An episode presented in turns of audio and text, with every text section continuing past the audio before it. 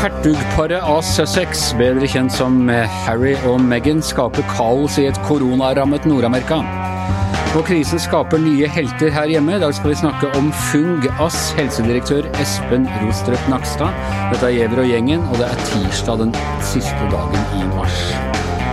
Ja, uh, Yngve Kvistad, du er vår eh, Storbritannia-ekspert og med en sterk UK-fetisj, og dermed også påligger deg å følge med på alle kongehusets eh, nåværende, tidligere og kommende medlemmer. Royal correspondent, takk. Royal correspondent, ja. Nå hadde det endelig roa seg litt. Altså, vi, hele verden var jo preget av disse Harry og Meghan-nyhetene rett før krisen rammet så virker det nesten som de er blitt litt sjalu på all oppmerksomheten koronaen har fått, for nå har de gjort noen grep for å komme tilbake i nyhetsbildet? Syns det er litt drøyt å legge hertugparet til last for uh, koronatimingen, kan du si, for dette jo, har vært en, en planlagt uh, exit. Det er noe med Storbritannia exiter som ikke alltid går helt etter planen? Ja, men det de nå får uh, det, det, det blir bebreida, er jo nettopp det at de har gjennomført det i den situasjonen hvor da Eh, Storbritannia og resten av verden er i en sånn koronakrise.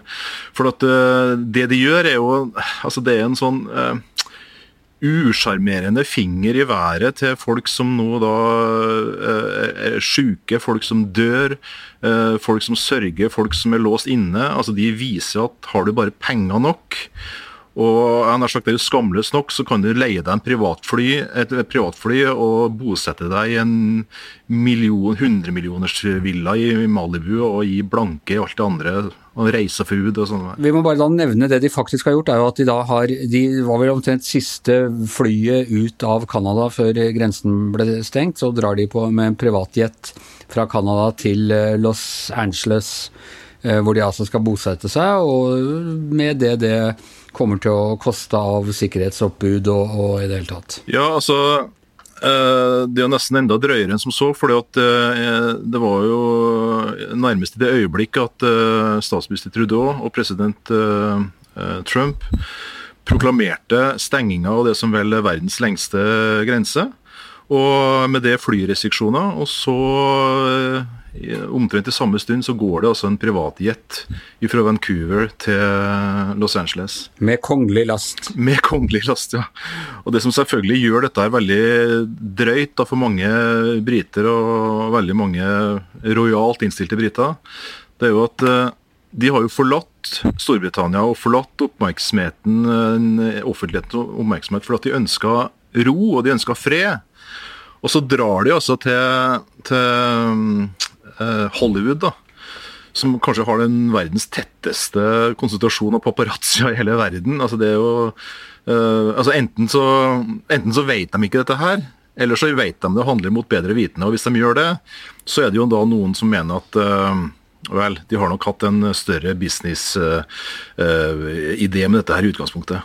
Det må jo også da nevnes at uh, Meghan har jo vært litt i tottene på Donald Trump allerede, og han tok imot dem med en tweet, det er et par dager siden, hvor han sa ja, velkommen skal dere være til USA, vi vil ikke betale for sikkerhetsopplegget deres. Nei da, hun har jo vært veldig tydelig. Hun har også sagt at hun vil ikke bo i, i Trumpistan. Hun syns at han er en forferdelig fyr, og har gjort det veldig klart at hun tar veldig avstand fra det eh, han står for. Men så vil hun bo der likevel? Ja, og så plutselig så vil jeg bo, bo der likevel. og da har jo, altså Trump har jo, har jo husk som en elefant når det gjelder akkurat sånne ting. Så der var det jo no mercy og ingen tilgivelse. Så, så han skriver jo i tweeten sin at han er veldig, veldig stor fan av dronninga og veldig øh, øh, glad i den britiske dronninga og sånn. Men uh, Harry og, Meg og Harry og Meghan er velkommen hit, men han får klare seg sjøl. Og det er jo rimelig, men hvem, hvem skal betale for øh, sikkerheten? For det kommer vel til å koste en del? Ja da, de vet jo ikke dette ennå. For at kostnads... Altså, da de flytta til Vancouver i Canada, som tross alt er en del av, sagt, av samveldet og har en del samarbeid med, med Storbritannia, så var eh, sikkerhetsforanstaltningene beregna til ca. Eh, millioner pund i, i, året. Og prins Charles skulle betale to av dem eh, fra sin eh, trust, da, Men i og med at de har flytta til Los Angeles i USA, så har uh, prisen blitt fordobla. Nå snakker man om en sum på totalt 8 millioner uh, pund. Uh, og Prins Charles skal fortsatt ikke betale mer enn to millioner, følge det som britiske medier melder i dag. Så da er det en restanse på seks millioner da, som de sjøl sier at de skal betale. Men britiske medier skriver også at det er jo penger de ikke har. For de har jo, de har jo også en del andre utgifter som som nå pårenner etter at de har blitt kutta eh, De har mista lommepenger fra dronninga. Men Meghan har jo jobba litt, så hun har bl.a. vært fortellerstemmen på den nye Disney-filmen 'Elefanten', så ja, jeg i dag. Ja da. så, så noe, noen slanter har hun vel? Ja da. Hun har vel litt på bok, og det er vel, det er vel også antyda at hun kanskje skal begynne å jobbe litt igjen. Men fortsatt så er det jo, det er jo ganske mye penger de skal ha for å drifte hele dette kongelige prosjektet. Men det er jo nettopp det da, at at veldig mange briter føler seg dolka i ryggen. De føler seg lurt, rett og slett. fordi at, at uh, de mener at hertugparet har uh, eh, seila under falskt flagg da, når de uh, skulle liksom komme seg unna oppmerksomhet, og så, og så ender med at de drar til det mest oppmerksomhetssjuke regimet i hele verden. Hans Petter, ja. Hadde dette skjedd hvis Diana hadde fått leve, hadde hun da hatt kustus på guttungen på en annen måte? Hvis 90-tallet bare hadde fortsatt evig? ja, det er et stort spørsmål, syns jeg. Men jeg syns jo at uh, jeg, synes, jeg, har litt sympati med Harry og Meghan, vet du, så jeg tror at uh, det kommer til å gå veldig bra for dem, tror jeg. Ja. Også, også, i, også i, i, Hollywood. Det er der jeg hører hjemme, Megan. Og så jeg tror at det kommer, til å gå seg til på, på sikt, men, uh, men Hva skal de i Hollywood? Nei, det, altså, det, er jo, det er jo ingen vet. Ingen vet hva helt at de skal gjøre, ingen vet hva de skal leve av. Og Det er jo det som gjør at, at briter i dag, og til og med en del konservative, dypt monarkistiske eh, kommentatorer i mørkeblå aviser, er eh, nærmest hyperventilerer og har den ene blodstyrtningen etter den andre, for å sitere eh, Olav Versto. Altså, Uh, altså, de er altså så rasende på nettopp det at de har uh, flytta til Hollywood. fordi at uh, De mener jo da at det skinner gjennom at det, dette har vært det, altså det, her, det her har vært deres prosjekt hele veien. Det har vært ideen hele tida. At de skal til Hollywood. Og at de skal opptre som noen sånn superkjendiser der og, og tjene penger. Og så er det litt sånn merkelig også, for at de i den opprinnelige avtalen så skulle de jo da frasi seg alle kongelige titler, og sånt da, men de har jo fått behandle alt. De er jo fortsatt kongelige høyheter, men de skal ikke bruke det. De Er fortsatt, uh, han er fortsatt prins, han er fortsatt nummer seks i arverekkefølgen, og de er fortsatt hertug og hertuginne. Ja. Og interessen er stor. Jeg ser vi har et oppslag i VG i dag på at Harry og Meghan trekker seg fra Instagram. Jeg vet ikke om det er noe, om det er noe penger å spare på det, men, men, det er i hvert fall de, i, de, vet i hvert fall hvordan de skal holde på oppmerksomheten. Eh, vi skal gi litt oppmerksomhet til en her hjemme. Da krisen satte inn, så ble jo halve, halve, nesten alle helsetoppene i Norge umiddelbart satt i karantene fordi de hadde vært i nærheten av noen som var smittet av koronaviruset. Og dermed så dukket fungerende assisterende helsedirektør Espen Rostrup Nakstad opp eh, og tok tømmene i, eh, i denne vanskelige tida. Og han har gjort det med bravur, mener særlig du, Hans Petter? ja, det er ikke bare jeg som gjør det. det er jo, de eh, ser veldig mye i sosiale medier omfavne Nakstad. Eh, så Kristin Clemet f.eks. var ute og tvita at han gjorde et solid og flott inntrykk. da, og Han ble jo gjest, også hovedgjest i Lørdagsrevyen, og det er jo et tegn på at han har tatt nasjonen med storm, da, som det heter. Eh, det er morsomt det med Fungas, som jo er kalt fungerende assisterende. Det er den merkeligste titlene som vi noensinne har hørt på en eh, norsk tjenestemann. Det er mange forbehold i en tittel der. Så en Sønnen min sa at det passer det egentlig at en smittevernlege kan kalles for fungus, men det var kanskje noe annet spørsmål. Eh, men, men altså, han, har, han, er jo jurist, han er overlege, han er forfatter. altså han har det, det, er alltid sånn at når det, når det er sånne kriser, så stiger det jo alltid opp sånne nye fjes og nye ansikt som tar ekstra ansvar. Og, og jeg vil ikke bli veldig overraska hvis uh, noen Rostrup Nakstad blir uh, Ja, kanskje allerede at vi allerede nå har funnet fram til årets navn 2020. For han, han har en trygghet og en kunnskapsrikhet og en ro. Og, en, så så, så syns jeg også personlig at det hjelper litt at han ser troverdig ut. da Spesielt for oss som ikke har respondert på midtlivskrisa gjennom å begynne å løpe maraton. Så en veldig solid type, han her. Er det, er det, for sent å nominere han som demokratenes eh, presidentkandidat, tror du? Ja, men Spørsmålet er om uh, både han og han Kuomo Det blir jo kamp om visepresidentvervet her nå, til Biden. Uh, så Noe av det som jeg syns er appellen med, med Nakstad, nettopp som du sier, en, en, han er en vanlig mann, en type sånn hverdagshelt. Og han gir også noe av det du setter pris på ofte i sånne situasjoner, er det norske byråkratiet. Det litt ansiktsløse byråkratiet som vi kjefter mye på til vanlig og irriterer oss over, og de sitter bare og sørger for at, ja, ting går treigt.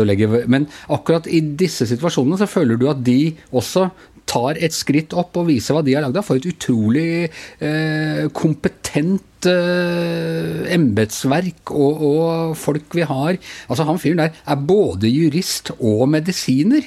Det er ganske imponerende for oss som ikke klarte å, å helt å fullføre mellomfaget på, på Distriktshøgskolen. Ja, snakk for deg sjæl. Uh, men, uh, men, nei, altså det, det jeg ante ikke at du hadde fullført mellomfag fra Distriktshøgskolen i Bø Telemark. Men... Ja, eh, nei, men altså, det, det, er alltid flott å se jeg er helt enig med deg, altså, se på eh, norske byråkrater som, som, står fram på en måte. Og jeg syns kanskje at if, altså, Nakstad i tillegg har en sånn ekstradimensjon. Han, han, han, har en sånn helt eksepsjonell ro. Sånn, sånn, han er så solid, hele, hele, karakteren, at den står planta med to bein på fota på, på, jorda. Og, og, vi som jobber i mer skal vi si, løse yrker, vi, vi, har, vi har jo godt av å se at det, det, finnes folk som virkelig oser av kunnskap da, på, på det feltet en er satt til å, til å, administrere. Så han steg opp fra så å si fra ingenting til å bli den store stjernen. Ingebjørn? Jeg er helt enig med Hans Petter. Han, han fremstår med tyngde og, og troverdighet.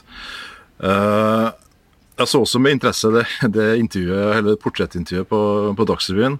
Og der sa han jo noen ting som faktisk er er ganske dramatisk. da, uh, Også på en oppsiktsvekt på en sånn måte at jeg er litt spent på om han virkelig blir hørt på når det her er eh, over, eller om han da blir parkert. For blant annet så sa han jo det at han advarte mot å bygge sykehus med, svært, med svære høye tårn. Og Det er jo nettopp det de planlegger på Gaustad. Det svære monstersykehuset oppå der er jo en, er jo en gedigen sånn tårn, tårnsak. Og Det har jo kommet flere innsigelser på det underveis i Eh, i, i, prosjektet. Altså, de har rett og slett kalt, eh, altså, Kritikere har jo kalt det her eh, et, et smittetårn. fordi at det, at, altså, det er jo i strid med alle sånne ja, råd og, og vink om hvordan sånne sykehus skal, skal bygges. Og, og, det å bygge høyden og lage sånn Uh, altså Den type konstruksjoner er ikke bra da, for, for, for, smittevernet. Dette har da Helse Sør-Øst valgt totalt å, å overse og overhøre. Så nå uh, skal det bli spennende om de da uh, Så nå setter du din lit til Nakstad? Ja, i hvert fall Det skal bli interessant å, høre om eller å følge med på en helt tatt bli hørt på når det gjelder akkurat det her. da. Det var i hvert fall veldig, veldig tydelig at han, eh, han, sa det av en grunn eh, i det intervjuet.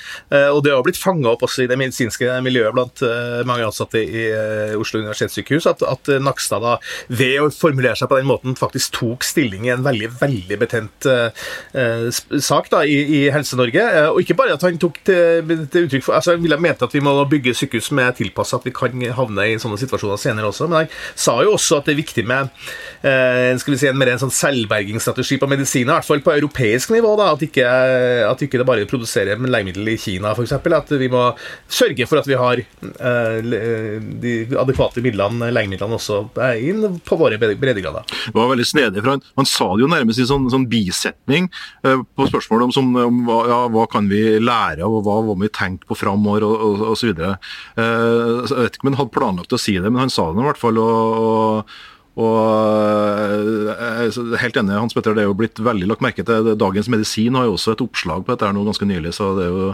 uh, Helse Sør-Øst kan, kan, ikke komme under fra å, å, måtte kommentere det på et eller annet vis. Hvertfall. hvert fall. Jeg, hva om de bygde et tårn, men lagde sånn lite knekk på det, Yngve? Hadde det, kunne det mildne ditt, uh, ditt, inntrykk til det? Ja, da hadde det blitt, hadde det blitt en, et signaturbygg.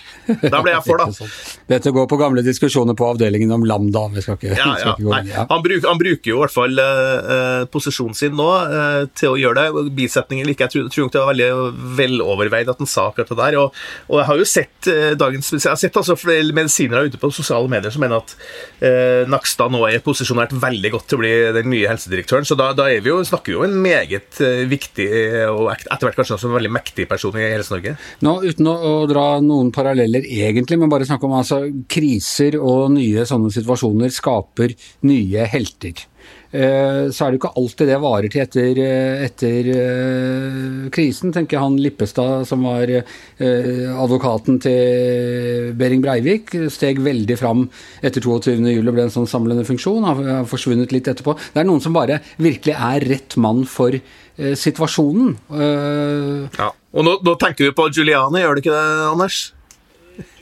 Giuliani tenker jeg også veldig klart på. Han var ja, og for, for så vidt um, vår egen ordfører den gangen, Fabian Stang, som uh, også tiltrodde da uh, større oppgaver etter, etterpå. Og Det betyr ikke at det ikke at de gjør det noe dårligere etterpå, eller noe sånt, men de er så veldig rett mann for en helt rett mm. situasjon. Mm. Og Det som skjedde her, var jo også så, så uventa, i og med at uh, det, var, det, var, en helt absurd situasjon som oppsto når plutselig alle toppene i Helsedirektoratet og i, i Folkehelseinstituttet samtidig måtte ut i uh, karantene.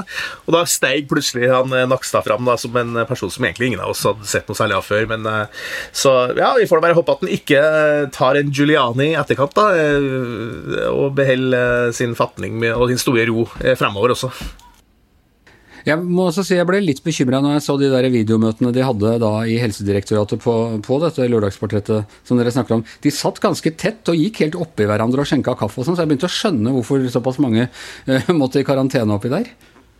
Har de ikke fulgt med på sine egne helseråd, eller hva er problemet? Nei, folk tror at de har gjort det, da. Eh, jeg syns også en annen ting som er artig når vi, i krisen er med alle videokonferansene, alle videointervjuene på, på Dagsrevyen og på, på TV 2-nettene og også i VG, da, så, så, ser vi hvordan folk har det hjemme. Og det er også et sånn, litt sånn vittig utslag av korona. Og der tror jeg kanskje at eh, ja, f.eks. Eh, helsedirektør Gullvåg han så ut som han har et ganske staselig hjem, for å si det sånn.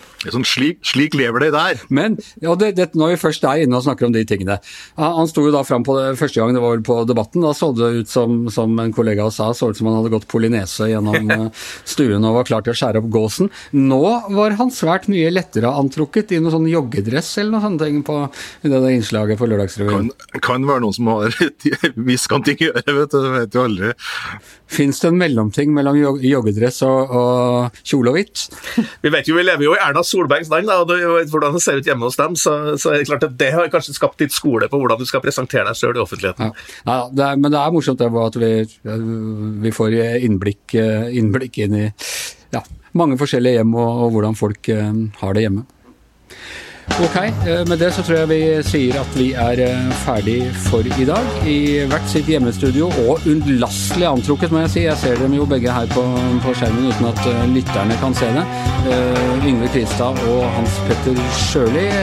Jeg heter Anne Skjever, og vår aller mest velkledde i denne podkasten, produsent Magne Antonsen. Vi høres i morgen.